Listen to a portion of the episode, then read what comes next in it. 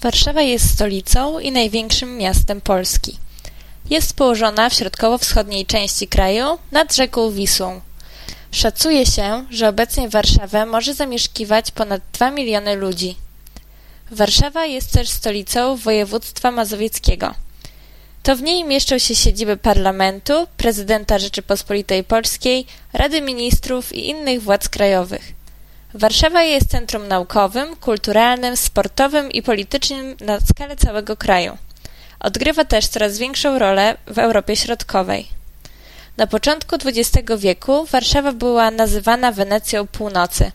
Niestety podczas II wojny światowej została zburzona w około 85%.